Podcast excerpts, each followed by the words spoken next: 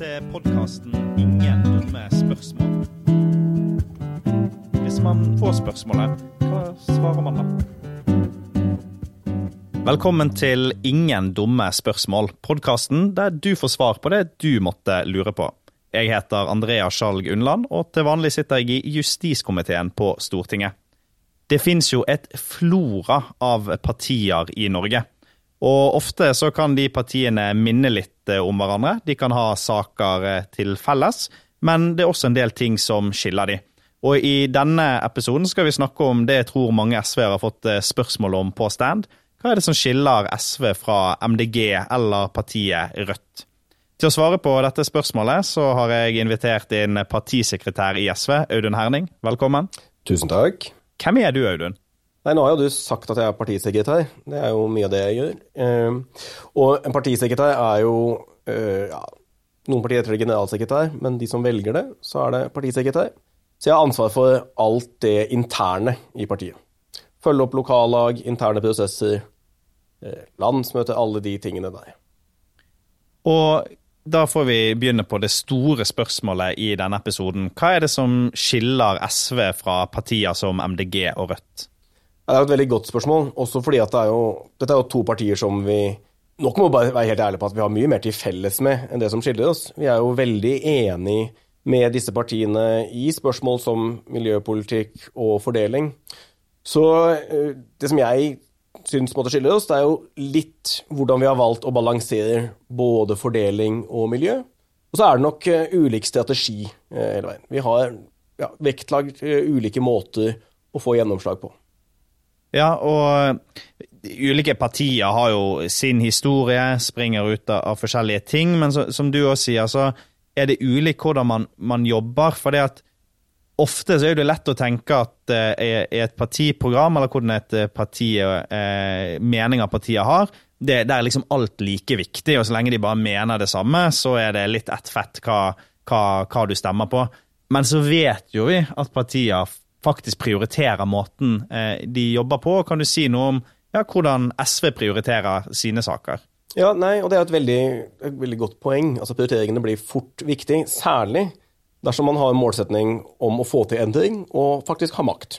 Og det mener jo jeg at alle partier bør ha. Og I SV så sier vi at vi har to hovedprioriteringer. Det er fordeling, og det er miljø. Det er de to store spørsmålene i vår tid. Og de er også dermed også viktigst for oss. Og så er nok her, for å ta f.eks. For forskjellen med MDG, da, så er nok en av forskjellene nettopp det at vi har denne satsinga på begge to, og at vi mener at de henger veldig nøye sammen. Eh, vi må gjøre enorme endringer for å få et samfunn som faktisk tar klimaendringene på alvor. Det er endringer som først og fremst vil være gode for folk, men de kan jo gjøres på ulike måter. Og For SV så er det viktig at vi gjør dette sosialt rettferdig. At ikke det blir de som har minst, som sitter igjen med regninga. Eh, og at vi også hele tida sørger for at vi lager et samfunn som tar hensyn til at eh, ja, det er ulikt hvor mye penger folk har. Det er ulikt hvor mye makt og innflytelse. Jeg mener at målet må være at vi får en politikk som er så populær at godt over halvparten stiller seg bak miljøpolitikken. For at det henger sammen med også fordeling og ellers. Og Her er nok vi og MDG uenige, for de, de sier at miljø er såpass viktig at da må de andre tingene vike. Jeg tror det er strategisk dumt på sikt. Jeg tror at hvis vi skal få med folk, så må det også være en helhetlig politikk som gjør at vi tar alle de andre problemene folk har, på alvor. Ja, og jeg synes Det du sier der, er jo eh, noe som er, er, viktig for et parti som befinner seg på venstresiden, sånn som SV, og har en sosialistisk analyse til bånn. Det er jo at folk har jo ulike utgangspunkt. Eh, det er ikke sånn at alle sitter i samme båt, noen sitter i, en luksusyacht. Eh, at det er nettopp sånn at lik politikk, hvis du stiller det samme kravet til alle, vil også ramme ulikt. Det eh, man kan jo si, sant, Du kan jo si at denne trappen er lik for alle, men den er jo ikke lik for den som sitter i rullestol. Da er det en forskjellsbehandling i det, og det samme er det med en del av klimapolitikken. Hvis du ikke tar hensyn til at folk har ulik størrelse på, på lommebok og ulik mulighet til å ta valg. Ja, Det er jo ikke sånn at alle har råd til å bare kjøpe seg en Tesla eller en elektrisk bil. Det er ikke sånn at alle har råd til å velge da den dyre maten fordi den er litt mer miljøvennlig. Da må vi sørge for at vi også har en politikk som gjør at folk både at vi fordeler de byrdene med miljøpolitikken mest mulig rettferdig, men også at vi samtidig har en politikk som gjør at folk har litt mer frihet i hverdagen, da, de som har minst. Og jeg tror det er kjempeviktig hvis vi skal vinne miljøkampen på sikt. Jeg mener at Vi har sett eksempler ta for eksempel i Frankrike, hvor du fikk da disse gule vestene til opprør mot bensinprisene. Så var det jo det at de kom på bensinprisene, var jo fordi at folk over tid opplevde at hverdagen blei vanskeligere. At ikke de hadde penger nok til å få ting til å gå rundt. Og det må vi unngå.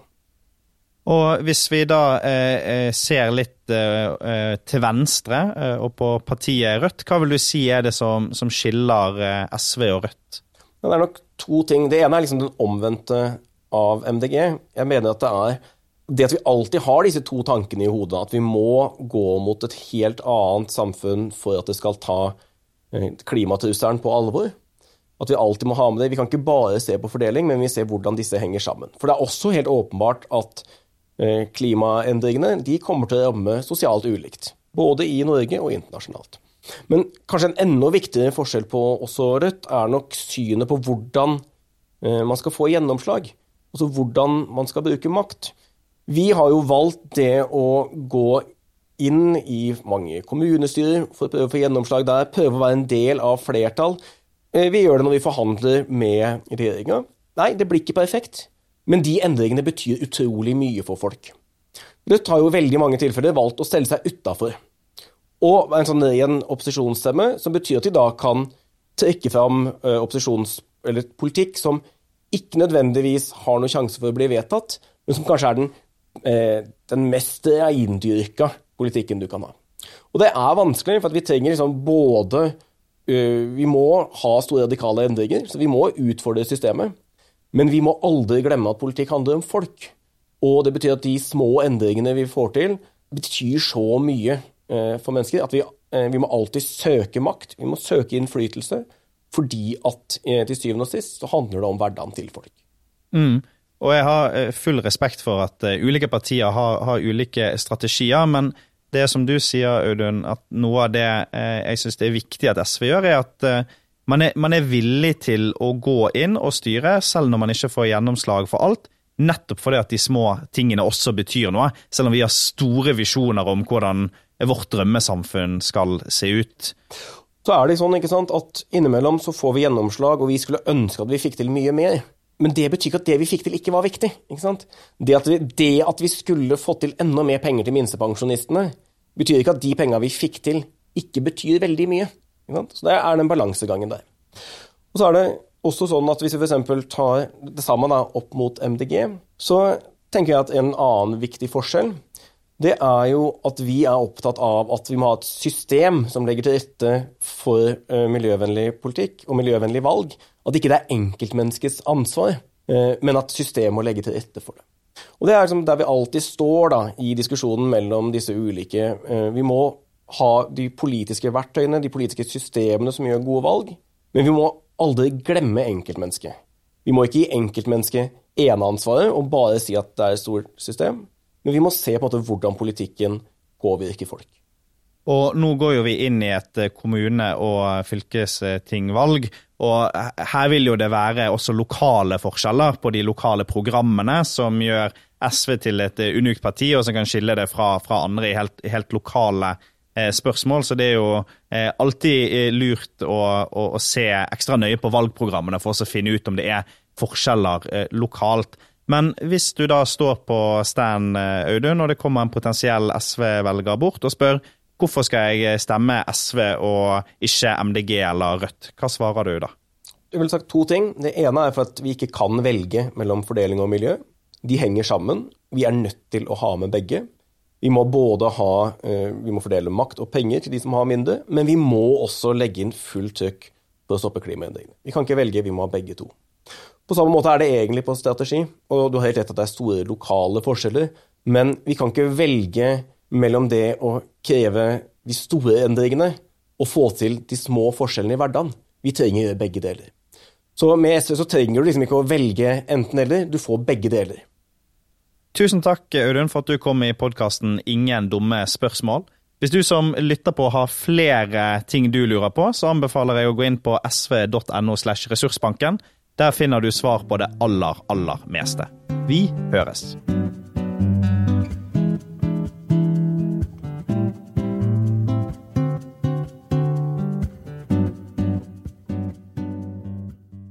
Du har nå hørt en podkast fra SV. Har du spørsmål du gjerne skulle hatt svar på i en egen episode? Send oss en e-post til podkastkrøllalfa.sv.no.